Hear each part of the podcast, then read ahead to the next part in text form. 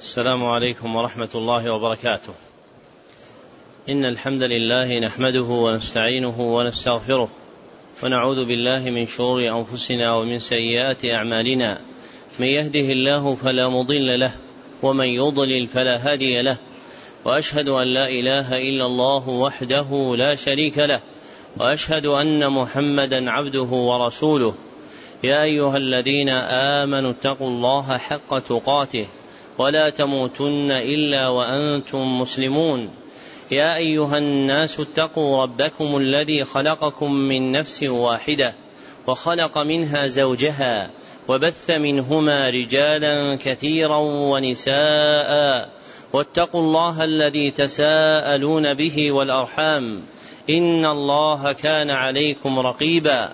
يا أيها الذين آمنوا اتقوا الله وقولوا قولا سديدا.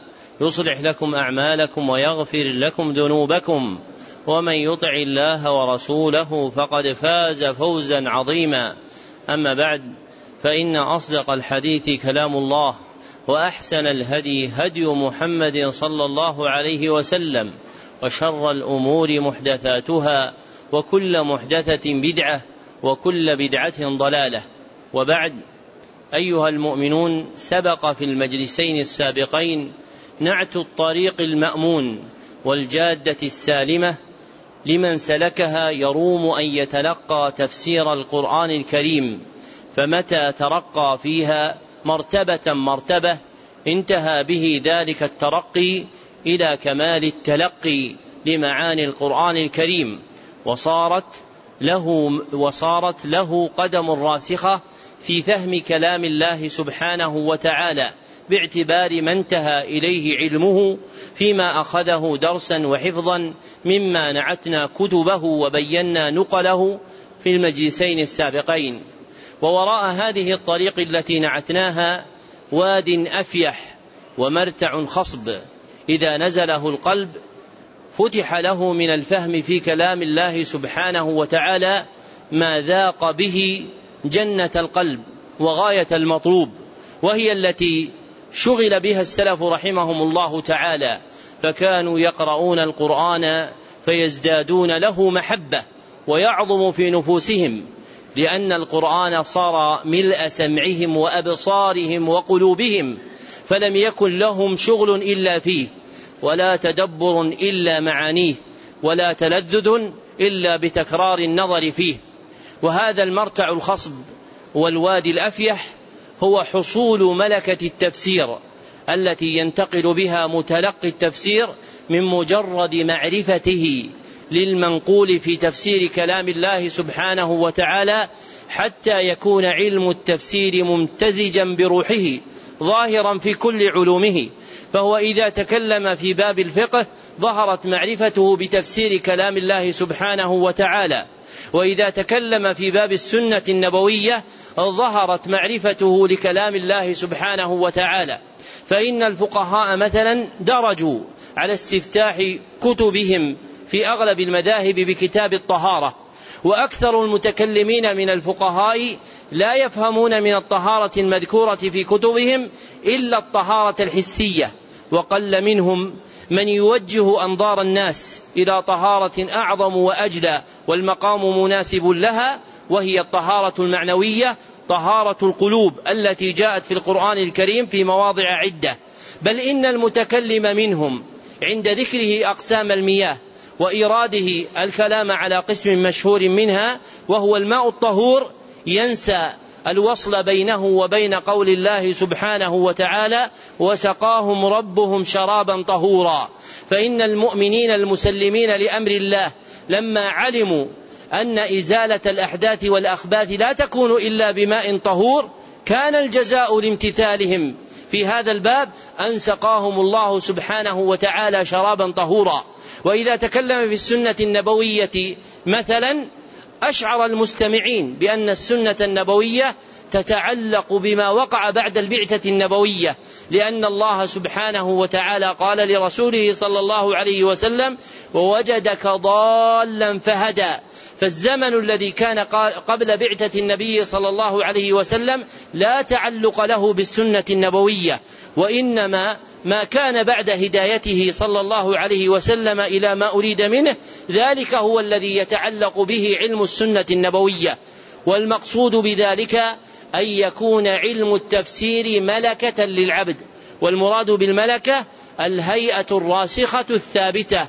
فإذا استولى علم التفسير على قلبه واستقام في نفسه وامتزج بروحه ظهر على سائر علومه. وهذه هي المرتبة العظيمة. فوق ما نعتناه آنفا من كيفية تلقي علم التفسير. ونحن ننعت اليوم بإذن الله وحوله وقوته الطريق الموصلة إلى كيفية تحصيل ملكة التفسير. ونريد بالملكة كما سبق الهيئة الراسخة في النفس التي يتحقق بها في علم التي يتحقق بها في نفس الإنسان معرفته بتفسير كلام الله سبحانه وتعالى حتى يتجلى في علومه كلها سواء ما يتعلق بباب الخبر أو بباب الطلب أو ما تعلق بالآداب والأخلاق. ذلك أن القرآن الكريم كما سلف كتاب هداية ومقتضى ذلك أن يكون القرآن الكريم في كل باب من أبواب العلم والدين. فأول ما ينبغي أن يحوز أن يحوزه المرء كي يصل إلى ملكة التفسير تعظيم القرآن وإجلاله. وهذه البابة هي أول درة من خرز فهم كتاب الله عز وجل وتلاوته. وينبغي لمن يلقن كتاب الله عز وجل الصغار في الكتاب قبل الكبار أن يعلمهم بأنهم يتلقون كلام الله عز وجل كما قال الله عز وجل وإن أحد من المشركين استجارك فأجره حتى يسمع كلام الله فإذا عظم القرآن الكريم في قلب الإنسان تلقاه بشدة إقبال وزيادة محبة. وتغرغرت روحه بلذته. وقد قال بعض الأدباء قديما كلام الملوك ملوك الكلام. أي أن كلام ملوك البشر يجعل مقدما بين كلام البشر كلهم. وإذا كان الأمر كذلك فإن كلام ملك الملوك سبحانه وتعالى أجل من كلام غيره. فينبغي أن يأخذ الإنسان كتاب الله عز وجل بتعظيم وإجلال. كما قال الله سبحانه وتعالى ولقد آتيناك سبعا من المثاني والقرآن العظيم فهو قرآن عظيم. وهذه الكلمة من أدل الكلمات في لسان العرب على بلوغ الشيء غايته فإنك إذا أخبرت عن رجل عظيم أو قصر عظيم أو غير ذلك مما ينسب إلى العظمة فإنك تخبر عن جليل القدر. فإذا أخبر عن القرآن بأنه عظيم فاعلم أن أول ما ينبغي أن تتلقنه في تحصيل ملكة التفسير خاصة بل في أخذ كتاب الله عز وجل عامة أن تعظمه وأن تجله بأن تعلم أن هذا هو كلام الله سبحانه وتعالى. وأول باب ينبغي أن يلقن للصغار والكبار في تلاوة كتاب الله أو في معرفة معانيه أو في استنباط أحكامه هو باب القرآن كلام الله. فإن العبد إذا عرف أن هذا الكلام الذي يتعاطاه قراءة وتدبرا وتفسيرا واستنباطا للأحكام. هو كلام الله عز وجل جل في عينه وعظم في نفسه فأوجب ذلك التعظيم أن يكون تلقيه للقرآن الكريم تلقيا مباركا. وقد روى الدارمي وسعيد بن منصور وغيرهما عن إبراهيم النخعي قال كان يقال عظموا القرآن وعند الدارمي وغيره أيضا عن أبي حكيمة العبدي أن علي رضي الله عنه كان يمر بهم وهم يكتبون المصاحف فيقف عليهم فيعجبه صنيعهم وكتابتهم فيقول نوروا ما نوره الله وكل ذلك مما يندرج في تعظيم كلام الله سبحانه وتعالى. فأول درة في عقد بناء ملكة التفسير أن تعظم القرآن وتجله وأن توقن أن هذا الكلام الذي تتلقاه وتتلوه وتتعرف إلى تفسيره هو كلام الله سبحانه وتعالى فينبغي أن يؤخذ بالإجلال والإعظام. وقد روى الدارمي وابن أبي داود في المصاحف من حديث ابن أبي مليكة عن عكرمة بن أبي جهل رضي الله عنه أنه كان يتلو القرآن ثم يضع المصحف على وجهه ويقول كتاب ربي كتاب ربي وهو يبكي. فقد وجد من عظيم أثر هذا الكلام ما أرق نفسه وأجرى دمعته واقشعر معه جلده وقلبه فلان إلى ذكر الله سبحانه وتعالى فأرسل الدمع مدرارا وأجرى اللسان مقالا كتاب ربي كتاب ربي. وانظر هذه الجملة الإسمية ما فيها من الحصر والثبوت والاستقرار وجلالة المعنى في معرفة أن ما يأخذه الإنسان بيديه هو كتاب الله سبحانه وتعالى. فنسأل الله عز وجل أن يرزقنا إجلال القرآن وتعظيمه. وأما الدرة الثانية في جواهر هذا العقد فهو الفرح بالقرآن ومحبته والتمسك به. فإن القرآن الكريم كلام الله سبحانه وتعالى ولو أن أحدنا بعث إليه محبوبه من البشر كتابا في رسالة أخذه بمحبة وربما قبله واشتدت عليه يداه فكيف بكلام الله سبحانه وتعالى؟ وقد سئل العلامة عبد الرحمن الدوسري أحد علماء القرن الماضي عن آلة المفسر فقال أولها الفرح بالقرآن الكريم. وصدق رحمه الله تعالى. إذ ذلك امتثال لقول الله عز وجل قل بفضل الله وبرحمته فبذلك فليفرحوا هو خير مما يجمعون. قال أبي بن كعب رضي الله عنه فضل الله الإسلام ورحمته القرآن.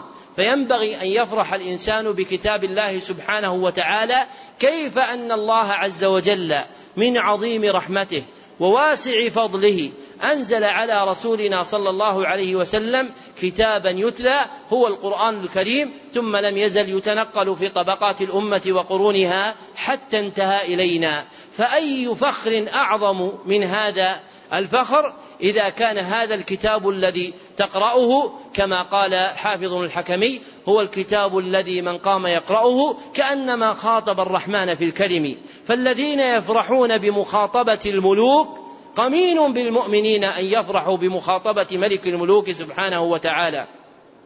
وتأملوا رحمكم الله كيف فرحت الجن. لما سمعوا القرآن الكريم كما قال الله تعالى وإذ صرفنا إليك نفرا من الجن يستمعون القرآن فلما حضروه قالوا أنصتوا.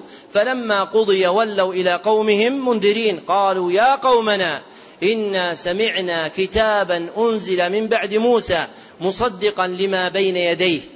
فهذا الكتاب تلقته الجن بالفرح ورأوه كتابا مصدقا وفي سورة الجن إنا سمعنا قرآنا عجبا فأخبروا أن هذا كتاب عجيب وفرحوا به وتلقوه وتمسكوا به فهداهم الله سبحانه وتعالى إلى الحق وإلى طريق مستقيم. وقد كان السلف رحمهم الله تعالى يوصون بمحبة القرآن الكريم ولهم رحمهم الله تعالى في ذلك كلام كثير وأكثرهم فيه كلاما وأعظمهم له بيانا صاحب القرآن أبو عبد الرحمن عبد الله بن مسعود رضي الله عنه ولن تجد أحدا من الصحابة تكلم في إجلال القرآن ومحبته والتلذذ فيه كابن أم عبد رضي الله عنه. فإنه كان يقول كما رواه الطبراني في المعجم الكبير من أراد أن يعلم أنه يحب الله ورسوله فلينظر هل يحب القرآن فإنه إن كان يحبه فإنه يحب الله ورسوله. وروى الدارمي عنه أنه كان يقول من أحب القرآن فليبشر. يعني فليبشر بكل خير وسينال بهذه المحبة كل خير. وهذه المحبة تقتضي للإنسان أن يكون دائرا مع القرآن الكريم لأن المحب إذا أحب شيئا دار معه. كما أنشدت رابعة تعصي الإله وأنت تزعم حبه. هذا لعمري في القياس بديع. لو كان حبك صادقا لأطعته إن المحب لمن يحب مطيع. فلو كان الإنسان فرحا بالقرآن صادقا في محبته لعظم استمساكه به. ولذلك أمر النبي صلى الله عليه وسلم بالاستمساك به. كما قال تعالى فاستمسك بالذي أوحي إليك وفي صحيح مسلم في خطبة النبي صلى الله عليه وسلم التي رواها مسلم من حديث إسماعيل بن إبراهيم بن علية قال حدثني أبو حيان عن يزيد بن حيان عن زيد بن أرقم أن النبي صلى الله عليه وسلم قال فذكر حديثا فيه خطبة وفيه قوله صلى الله عليه وسلم استمسكوا بكتاب الله. فالعبد مأمور أن يستمسك بكتاب الله سبحانه وتعالى ليظهر بذلك صدق محبته فلا يقدم عليه شيئا أبدا كائنا من كان. وعند ابن أبي شيبة من حديث طارق بن شهاب أن سلمان الفارسي رضي الله عنه قال لزيد بن صوحان أرأيت يا زيد إن اقتتل السلطان والقرآن مع من تكون. فقال أكون مع القرآن. فقال نعم الزييد إذا أنت. يعني نعم الرجل المسمى زيدا أنت لأنك استمسكت بالقرآن. وروى سعيد بن منصور أن رجلا جاء إلى عبد الله بن مسعود رضي الله عنه فقال له أوصني بكلمات جوامع نوافع نوافع بكلمات جوامع نوافع فقال تعبد الله ولا تشرك به شيئا وتزول مع القرآن حيث زال. فمتى امتلأ القلب, القلب بالفرح بالقرآن والتمسك به وتقديمه على كل شيء فتح للإنسان مقام آخر في فهم كتاب الله سبحانه وتعالى. أما الدرة الثالثة من درر عقد بناء ملكة التفسير فهي إدامة قراء إدامة قراءة القرآن وتكرار النظر فيه. فإن الله سبحانه وتعالى قال لرسوله واتل ما أوحي إليك من ربك. وأمرنا النبي صلى الله عليه وسلم بأن نديم قراءة القرآن الكريم. ففي صحيح مسلم من حديث معاوية بن سلام عن زيد بن سلام عن أبي سلام وهو منطور الحبشي قال سمعت أبا أمامة رضي الله عنه يقول سمعت رسول الله صلى الله عليه وسلم يقول اقرأوا القرآن فإنه يأتي يوم القيامة شفيعا لأصحابه. ولما وعى السلف رحمهم الله تعالى هذا الأصل امتلأت دواوين أخبارهم رحمهم الله تعالى بكثرة ما يذكر فيها من تكرار قراءة القرآن الكريم آلافا مؤلفة وعظمت وصيتهم به. فروى ابن أبي شيبة وبوب عليه عن عبد الله بن مسعود رضي الله عنه أنه كان يقول أديم النظر في المصحف. وروى عن يونس بن عبد الأعلى قال كان خلق الأولين النظر في المصحف. وسئل نافع عن عمل عبد الله بن عمر فقال إنكم لا تستطيعون. الوضوء لكل صلاة والمصحف بينهما أي أنه كان يقرأ طول وقته. وروى عبد الله بن وروى ابن أبي حاتم في مقدمة الجرح والتعديل عن عبد الله بن وهب قال كنا نعجب من نزع مالك من القرآن فسألنا أخته فقالت أما إنه كان إذا دخل البيت لم يكن له شغل إلا القرآن. فينبغي أن يديم الإنسان النظر في القرآن الكريم. وكان بعض السلف كعبد الله بن المبارك يقلب المصحف وينظر فيه ولا يقرأ. لأن هذا من علامات شدة التعلق بالقرآن الكريم. فإذا عجز اللسان عن تكرار آياته بقراءتها وترتيلها فإنه لا ينبغي أن يمل النظر من من من, من التكرار في إعادته مرة بعد مرة في كلام الله سبحانه وتعالى. وإذا كان المرء إذا رأى صورة حسنة أطلق لنفسه العنان في إدامة التمتع بها فإن كلام الله سبحانه وتعالى أعظم وأعظم. وقد روي في حديث فيه مقال النظر في المصحف عبادة. لكن هذا المعنى ثابت عن جماعة من السلف رحمهم الله تعالى ورضي عنهم. فينبغي أن يجعل الإنسان القرآن الكريم شغله بالتلاوة والقراءة وأن يجعله شغل قلبه. كما قال عبد الله بن مسعود إن هذه القلوب أوعية فأشغلوها بالقرآن ولا تشغلوها بغيره. وكان قتادة رحمه الله تعالى يقول اعمروا قلوبكم وعمروا بيوتكم يعني بالقرآن الكريم. فينبغي أن يكون للإنسان نصيب عظيم من قراءة كتاب الله سبحانه وتعالى ومآثر السلف قد بلغكم علمها في كثرة ما يذكر عنهم رحمهم الله تعالى من آلاف المرات في قراءة القرآن الكريم. أما الدرة الرابعة من درر عقد جوهر بناء ملكة التفسير فهي سلامة القلب وطهارة الباطن.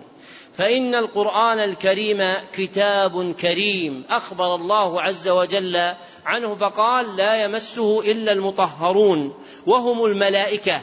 فإذا كانت آيات الكتاب في اللوح المحفوظ لا تمسها إلا الملائكة والمصحف لا يمسه إلا طاهر كما جاء في حديث أبي بكر محمد أبي بكر بن عمرو بن حزم في رسالة النبي صلى الله عليه وسلم إليه عند النسائي وغيره. فكذلك معاني القرآن الكريم لا تصل إليها إلا القلوب الطاهرة.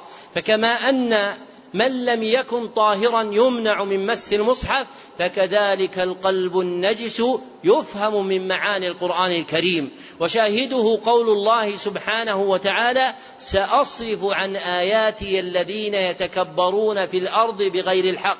قال سفيان بن عيينة في هذه الآية أمنعهم فهم القرآن.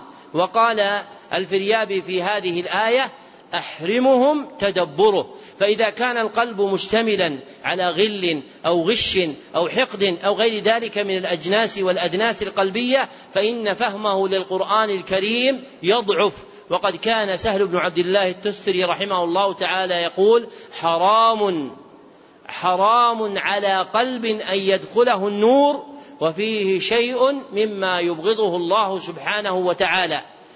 قال عبد العزيز بن يحيى الكناني علم القرآن كالأسد في غيله يمنع غيره.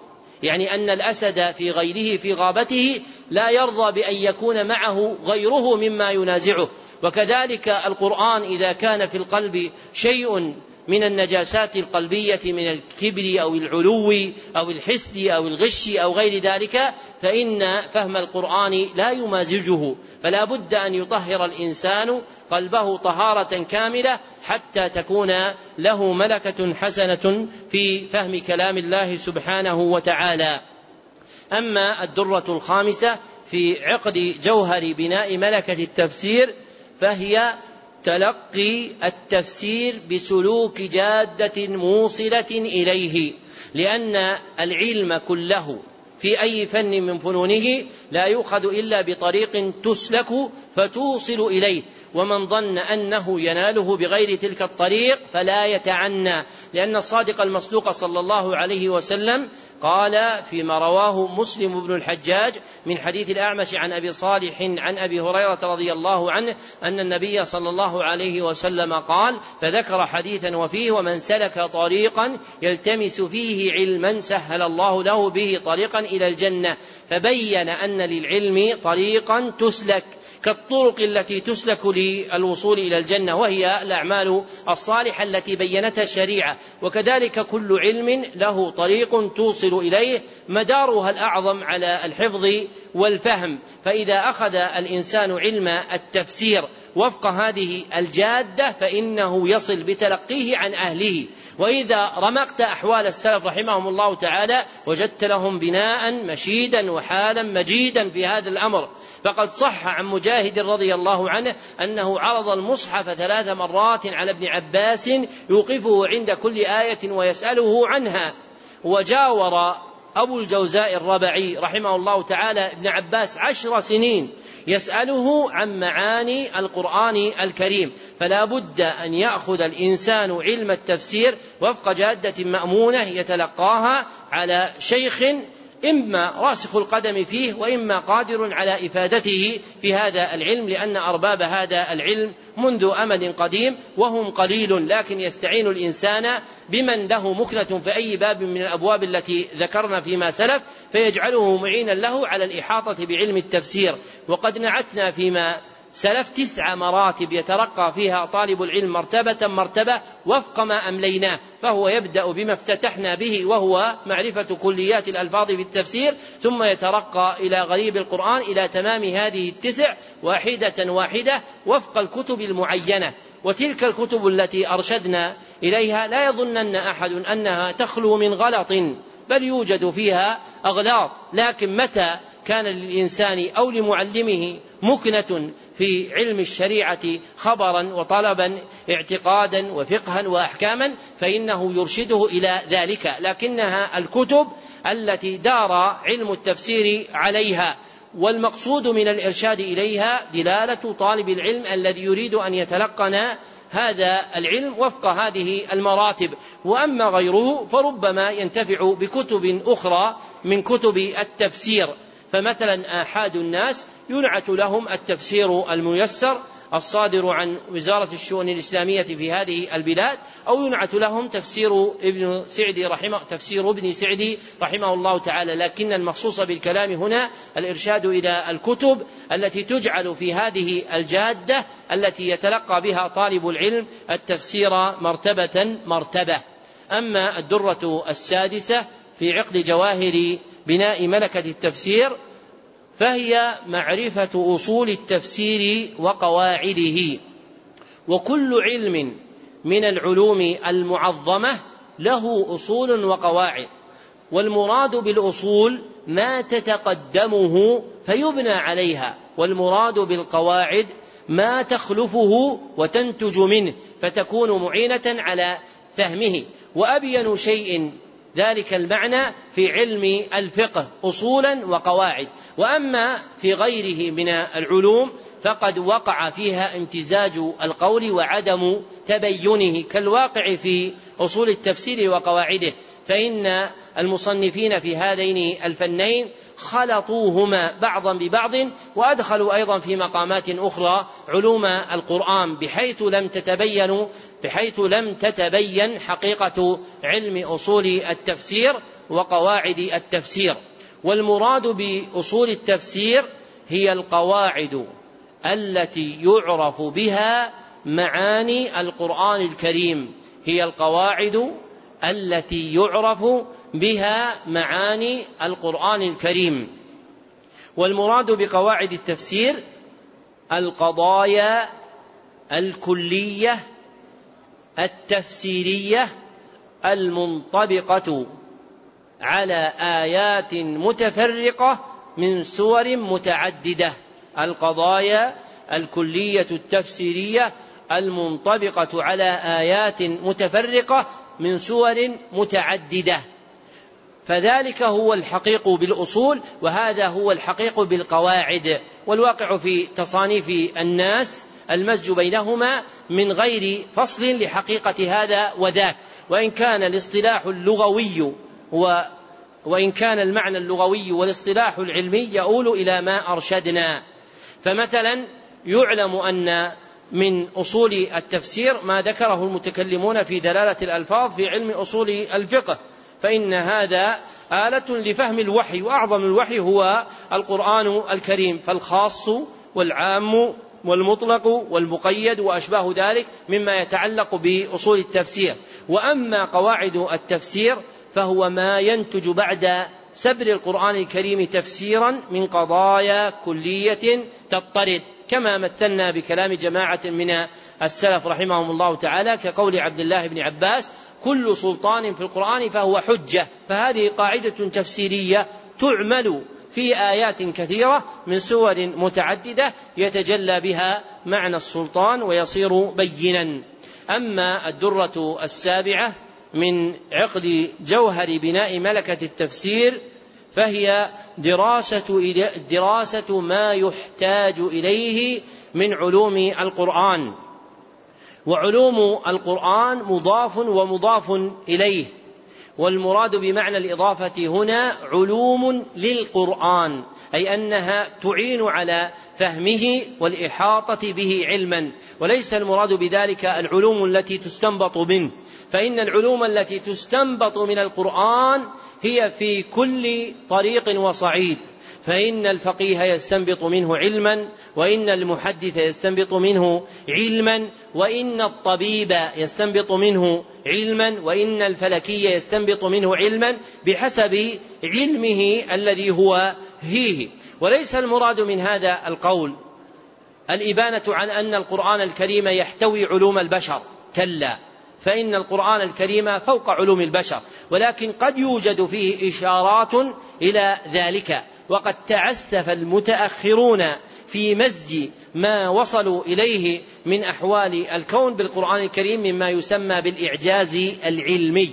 وهذه التسمية خاطئة لأن العلم ليس محصورا فيما توصلوا إليه من قواعد ومعلومات تتعلق بالفضاء أو بالكيمياء أو بالفيزياء بل أعظم العلم علم الخبر والطلب من الأحكام الشرعية كما أن لفظ الإعجاز فيه ما فيه وسبق الإشارة إلى هذا على وجه التوسع في غير هذا المقام. وإنما يسمى يسمى ذلك دلائل صدق القرآن الكريم وما يذكرونه. فيه ما يكون القرآن دالا عليه وفيه ما يكون ذكره على وجه التعسف والغلط فيه. ولا ينبغي لمثل هؤلاء أن يتكلموا في تفسير القرآن وإنما يأخذون علم التفسير من اهله فما وجدوه مصدقا لعلومهم أشاروا إليه. أما أن يبحثوا في القرآن الكريم عن علم الكيمياء وعلم الفيزياء وعلم الفضاء فليس القرآن الكريم محلا لذلك.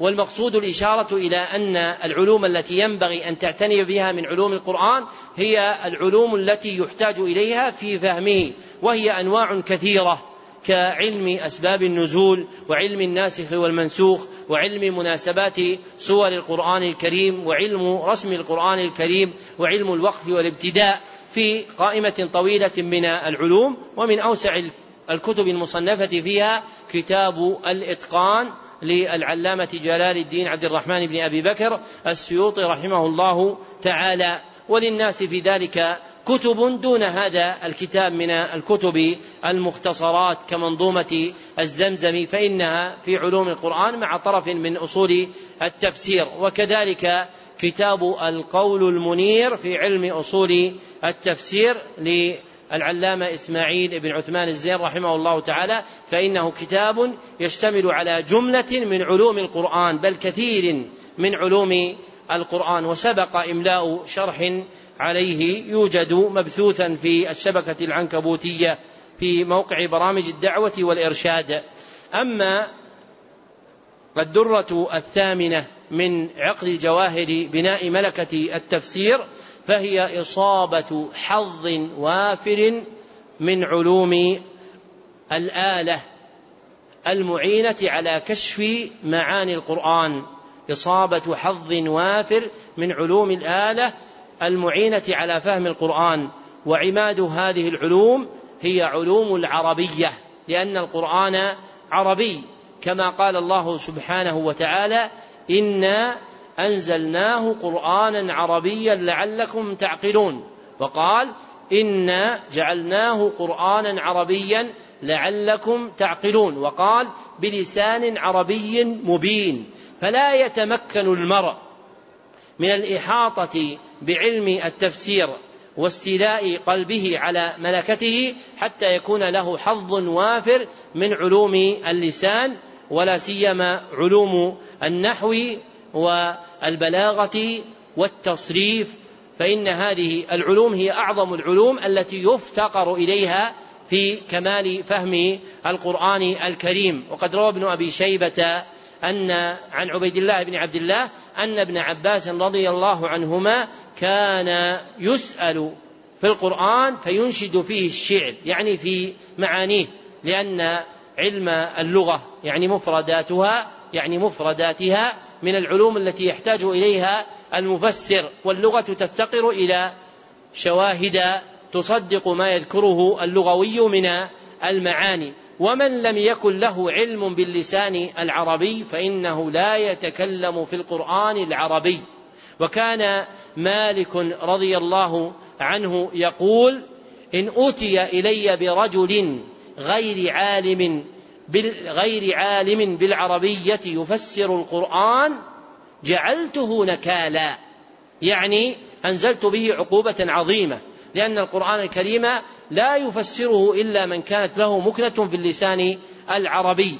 ولا نعني بهذا كما يتوهم بعض الناس قدرا يسيرا من اللغة بل كلما أوغل المرء في لسان العرب كلما كمل له فهم القرآن الكريم. ومن الناس بأخره من يرى أن علم البلاغة لا شغل للمفسر به وهذا من الغلط. فإن علم البلاغة تتجلى به المعاني العظيمة للقرآن الكريم. فإنه ربما تكلم متكلم في قول الله تعالى الحمد لله رب العالمين فبين معناها. لكن بقي وراءها من بلاغة القرآن أن الله سبحانه وتعالى جاء بحمده في هذه الآية في جملة اسمية. للدلالة على الدوام والثبات فإن الجملة الاسمية موضوعة في لسان العرب في معاني الكلام عندهم للدلالة على دوام الشيء وثباته فبذلك إرشاد إلى دوام حمد الله عز وجل وثباته. وكذلك قوله سبحانه وتعالى إن شانئك هو الأبتر ولم يقل إن شانئك أبتر بل أدخل الضمير وزيد وصلا للدلالة على أن الأبتر حقيقة هو مبغض النبي صلى الله عليه وسلم. فلا بد أن يشتغل الراغب في بناء ملكة التفسير بعلوم العربية خاصة. وأدرج علم أصول الفقه لما فيه من العناية بدلالات الألفاظ. فإن علم أصول الفقه اعتنى المصنفون فيه كثيرا بدلالة الألفاظ ونوعوها أنواعا وجعلوها أبوابا فيحتاج إليها كذلك. أما الدرة التاسعة بعدما سبق فهي استيفاء قدر متين من علوم الدين. استيفاء قدر متين من علوم الدين. فمن رسخت قدمه في العلم كمل علمه بالقرآن الكريم. كما قال الله سبحانه وتعالى وما يعلم تأويله إلا الله والراسخون في العلم على عطف الراسخون على اسم ربنا سبحانه وتعالى. فالراسخون له في العلم لهم مكنة في معرفة تأويل كلام الله عز وجل. وقال الله عز وجل أيضا بل هو آيات بينات في صدور الذين أوتوا العلم.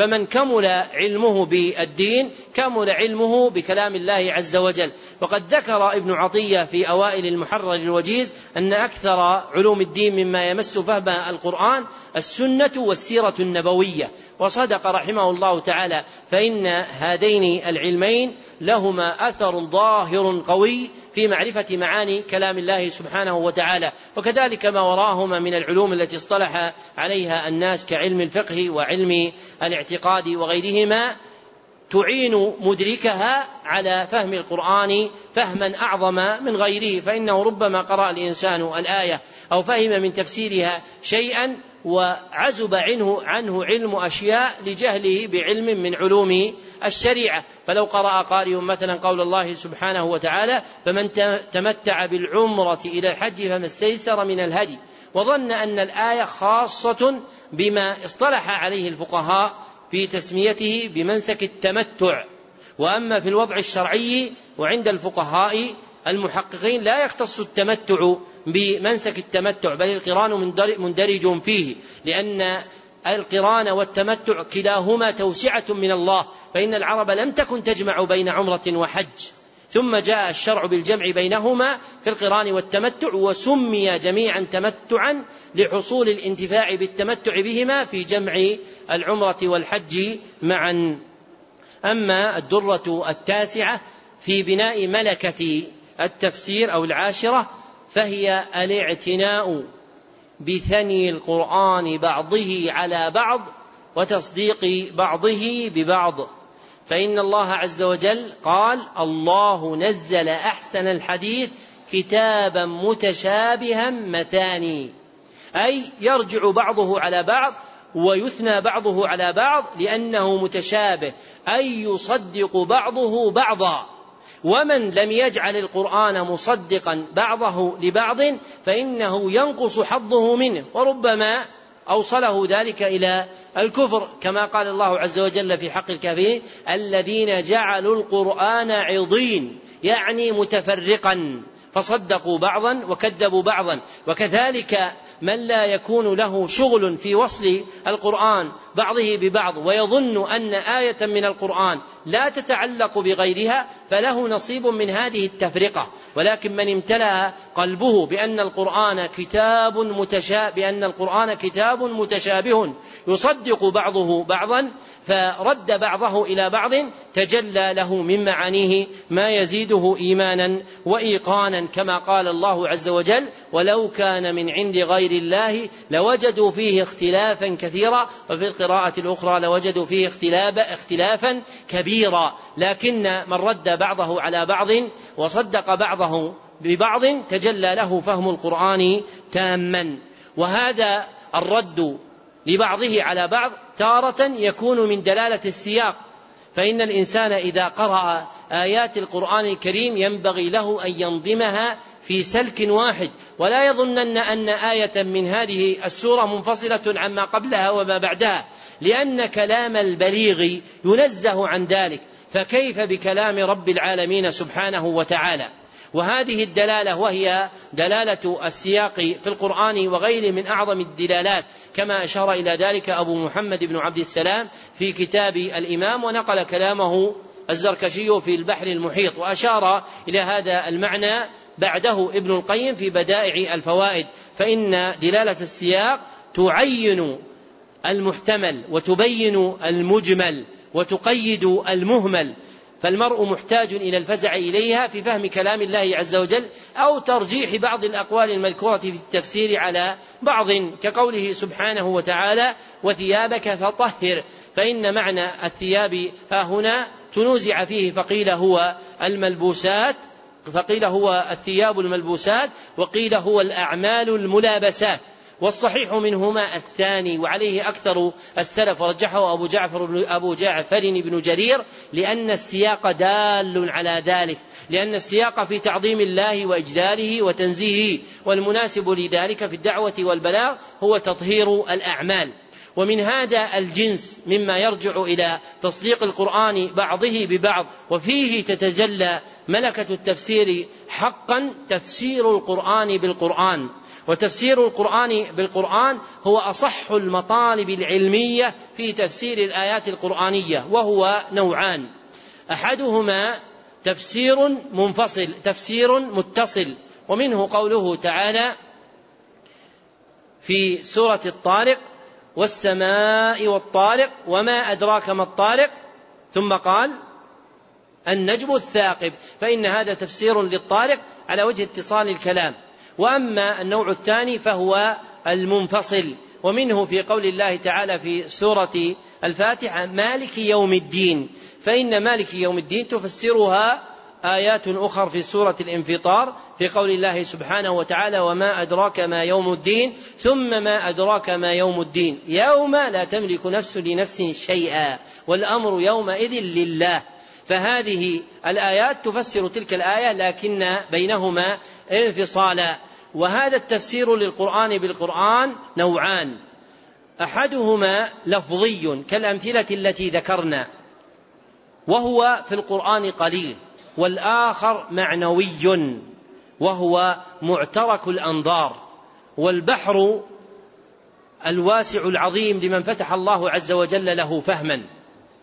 فإن الإنسان إذا قرأ آية من كتاب الله عز وجل فغمض عليه معناها فلربما وجد على وجه التصديق لها ما يبين المعنى لكن ليس بلفظها.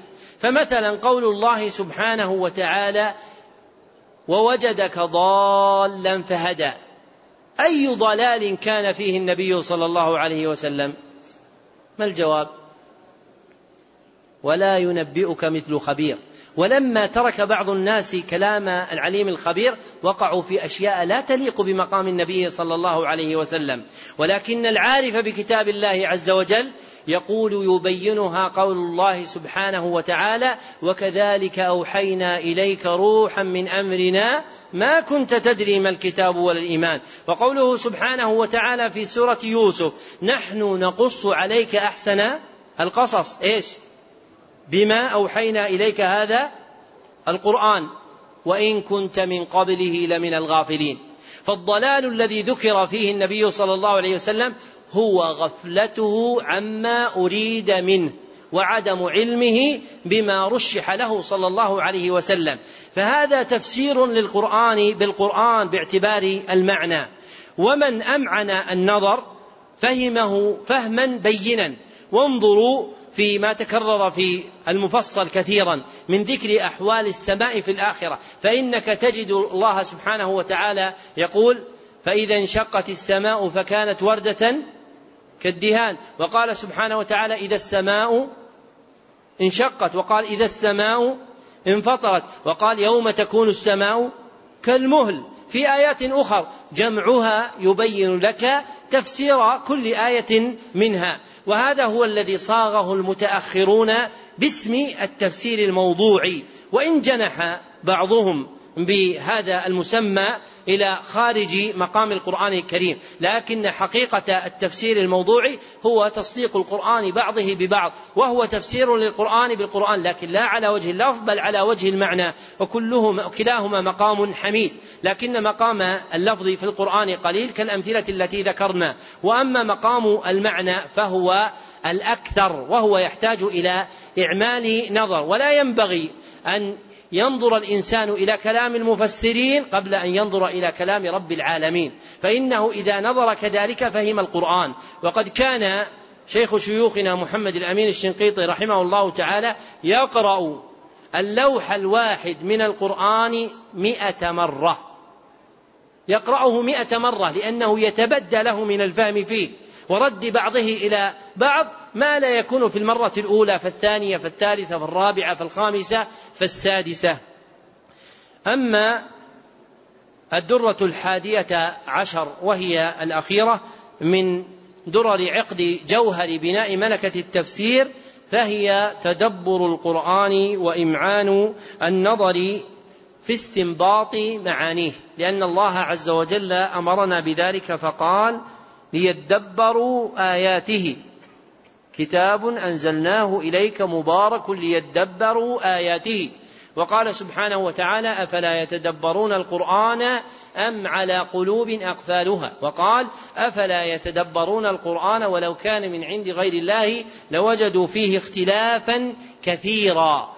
والمراد بتدبر القرآن نظر القلب إلى معاني القرآن لبلوغ غايتها.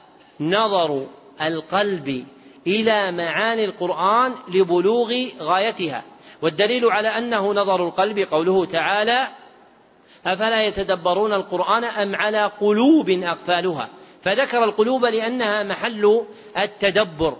والمراد من ذلك النظر القلبي هو الوصول إلى غايات الآي والسور لأن اسم التدبر مأخوذ من دبر الشيء وهو آخره فهو ينظر بقلبه في الآية للوصول إلى المراد منها أي ما سماه المتأخرون استنباطات أو أحكاما. فالتدبر فعل قل عمل قلبي أم فعل ظاهري؟ ما الجواب؟ عمل قلبي. على ما ذكرنا في قول الله أفلا يتدبرون القرآن؟ فهو عمل القلب. وهذا التدبر ينتج ماذا؟ لا قبل العمل فهم القرآن. ينتج معرفة معاني القرآن وفهمه على الوجه الكامل. والتفسير درجات. والدرجة العالية لا يبلغها المرء إلا بتدبر القرآن الكريم. فإن المفسر الصرف هو الذي له يد في تدبر القرآن الكريم. وهذا النظر التام في غايات السور هو الذي يجعل الإنسان عاملا بالقرآن الكريم. ولأجل هذا لما ذكر التدبر عند الحسن قال هو العمل به. يعني أنه يورث بعد نظر القلب الامتثال لمقاصد هذه الآي ثم خروج ذلك عملا. وأما بدو أثره مدونا مكتوبا فهو علم التفسير. ولأجل هذا تجافى السلف رحمهم الله تعالى وأئمة العلم بالقرآن أن يسموا كتبهم تدبر القرآن. ولم يوضع كتاب من الكتب باسم تدبر القرآن إلا في القرن الخامس عشر. فإنكم لا تجدون أحدا من الأولين أبدا ألف كتابا في تدبر القرآن. لأن تدبر القرآن مما يكتب ويسمى تدبر القرآن ليس هو تدبر القرآن وإنما هو أثره من الفهم ومعرفة المعاني. وأما تدبر القرآن فإنه عمل قلبي. والمتكلمون اليوم في تدبر القرآن طائفتان. فالطائفة الأولى قوم أرادوا تعظيم القرآن ورد الناس إليه بالنظر فيه ومعرفة تفسيره. وهؤلاء محسنون. ولكنهم خالفوا ما كان عليه الأوائل من تسمية ذلك تفسيرا لأن التفسير درجات. وأما الطائفة الثانية فطائفة أرادوا أن يكون القرآن كتاب فلسفة للحياة يتكلم فيه كل من يشاء بما يشاء. وهذا هو الذي صار بأخرة ديدانا للناس ممن يتكلم في تدبر القرآن. فإذا وقع في ذهنه معنى أو خاطر من الخواطر تكلم به وقال هذا هو معنى الذي يدل عليه التدبر وليس الأمر كذلك. وانظروا البون الشاسع والفرق البعيد. بين العالمين بالقرآن ومن يجيب الخطرات. فإن بعض المتكلمين في هذا الباب ذكروا أن الله سبحانه وتعالى لم يذكر تحريم لحم في القرآن إلا لحم الخنزير. ثم أشار إلى أن موجب ذلك هو أن أطعمة العالم اليوم أكثرها لحم الخنزير فجيء به للدلالة على عالمية القرآن. فالقرآن عالمي ينبه على كل زمان وآن وليس الأمر كذلك. وإنما الأمر ما ذكره الراغب الأصفهاني في كتاب الذريعة إلى مكارم الشريعة أنه لما كانت العرب أكثر خلطة للنصارى من اليهود فإن اليهود والعرب كانت بينهم نفرة وأما النصارى في جهات الشام فكان للعرب من بني التغلب وغيرهم خلطة بهم فلما كان للعرب معهم خلطة أراد الله سبحانه وتعالى أن يفصم عرى خلطتهم بهم بتحريم أعظم مآكل النصارى وأكثرها عندهم وهي لحم الخنزير فنبه عليه في القرآن مرارا. فانظر بين تدبر العالم بالقرآن وبين من يتكلم بخطره. وقد اطلعت على شيء من المقيدات في هذا فرأيت فيها زللا عظيما لأن الناس صاروا يتجرؤون على كلام الله سبحانه وتعالى. وكان السلف يقولون كما قال الشعبي وغيره اتقوا التفسير فإنما هو الرواية عن الله. وقال مسلمة قال مسلم بن يسار إذا أخبرت عن الله فانظر ما قبله وما بعده. يعني إذا أردت أن تفسر القرآن فلا بد من نظر تام. فالكلام بالخواطر وما يقع في قلوب الناس مما يسمى تدبرا ليس كذلك. والدليل تجافي السلف في هذا المعنى مع أنهم أولى به. وقد تكلم بعض الناس ممن صار ينصر الديمقراطية أو القومية أو الوطنية أو غيرها بأشياء يزعم أنها من تدبر القرآن الكريم وهذا من الغلط في التفسير وعدم إجلال كلام الله سبحانه وتعالى. وينبغي أن يرد المرء إلى نفسه بأن يكون المطلوب من التدبر نظر قلبه في القرآن الكريم ليستنبط ما فيه من المعاني. وهذا الاستنباط متى استولى على قلب الإنسان فإنه يظهر له من المعاني في فهم كلام الله عز وجل ما لم يكن له ما لم يكن له ولا لغيره من قبله.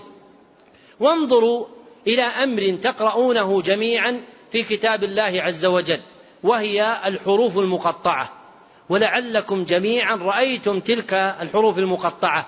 ولكن هل وقع في نفس أحدكم سؤال لماذا جيء بالسور بالحروف المقطعة في أوائل السور ولم تجعل في أواسطها ولا في أواخرها؟ فلا تجد في القرآن الكريم حرفا مقطعا موجودا في وسط السورة ولا في آخرها وإنما جعل في مقدمتها. ولا ينبغي أن يقع هذا إلا لأمر مراد والمراد من ذلك هو الإشارة إلى أن ما بعد هذه الحروف المقطعة هو من جنسها فهو من كلام العرب الذي تتكلم به فتحداهم الله عز وجل به. وأشار إلى كون ذلك المراد من الحروف المقطعة قدماء أهل العربية كالخليل بن أحمد وقطب والمبرد ونصره المحققون من المفسرين كالزمخشري وأبي العباس بن تيمية الحفيد رحمه الله تعالى. فإن الحروف المقطعة لا يقال لا تعلم معناها بل هي حروف من جنس الحروف التي يتكلم بها العرب. نبه الله عز وجل بإيرادها في أوائل السور إلى أن الكلام المنسوج بعدها هو مما تركب من هذه الحروف فإن كان لكم أيها العرب قدرة على مجاراته فجاروه. ولأجل هذا ذكر ابن كثير ومحمد الأمين الشنقيطي رحمهما الله أنه لا توجد سورة استفتحت بشيء من الحروف المقطعة إلا وفيها ذكر القرآن الكريم بل زاد محمد الأمين الشنقيطي بيانا فقال إن الله سبحانه وتعالى إذا ذكر الحروف المقطعة أشار إلى تنزيل القرآن الكريم ثم قرنه بأسمائه الدالة على عظمته كقوله تعالى حاميم تنزيل الكتاب من الله العزيز العليم. ولما ذكره في سورة ياسين قال ياسين والقرآن الحكيم ثم قال في أثنائها بعد آيات تنزيل العزيز الحميد الإمعان في بيان عظمة القرآن وجلالته وأنه منزل من الله سبحانه وتعالى المسمى بهذه الأسماء. وهذا التدبر وما يرزقه الإنسان من فهم القرآن هو الحقيق بقول الله عز وجل ومن يؤت الحكمة فقد أوتي خيرا كثيرا قال إبراهيم في تفسير هذه الآية ومن يؤت الحكمة قال الفهم للقرآن فقد أوتي خيرا كثيرا. وإذا طهر القلب وكمل التدبر خرج للإنسان من العلم الشيء العظيم. ويؤثر عن علي رضي الله عنه أنه كان يقول لو شئت لأوقرت لكم من الفاتحة سبعين بعيرا. لو شئت لأوقرت لكم من الفاتحة سبعين بعيرا. أي من العلوم المستخرجة منها. وإذا كان هذا حال علي رضي الله عنه فلا يستبعده الإنسان لأنه وقع لمن دونه ما هو مستعظم. فإن أبا بكر ابن العربي رحمه الله ذكر في تفسير آية الوضوء أنه تذاكر الأحكام المستنبطة والمعاني المستفادة منها مع أصحابه في بغداد فاستخرجوا منها أزيد من خمسين وثمانمائة حكم. آية واحدة. وذكر ابن القيم في الجواب الكافي أن في سورة يوسف ألف فائدة.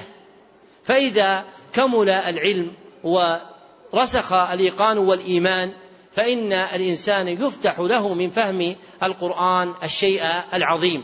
فهذه الدرر الأحد عشر الإحدى عشر هي التي يسلك فيها عقد جوهر بناء ملكة التفسير.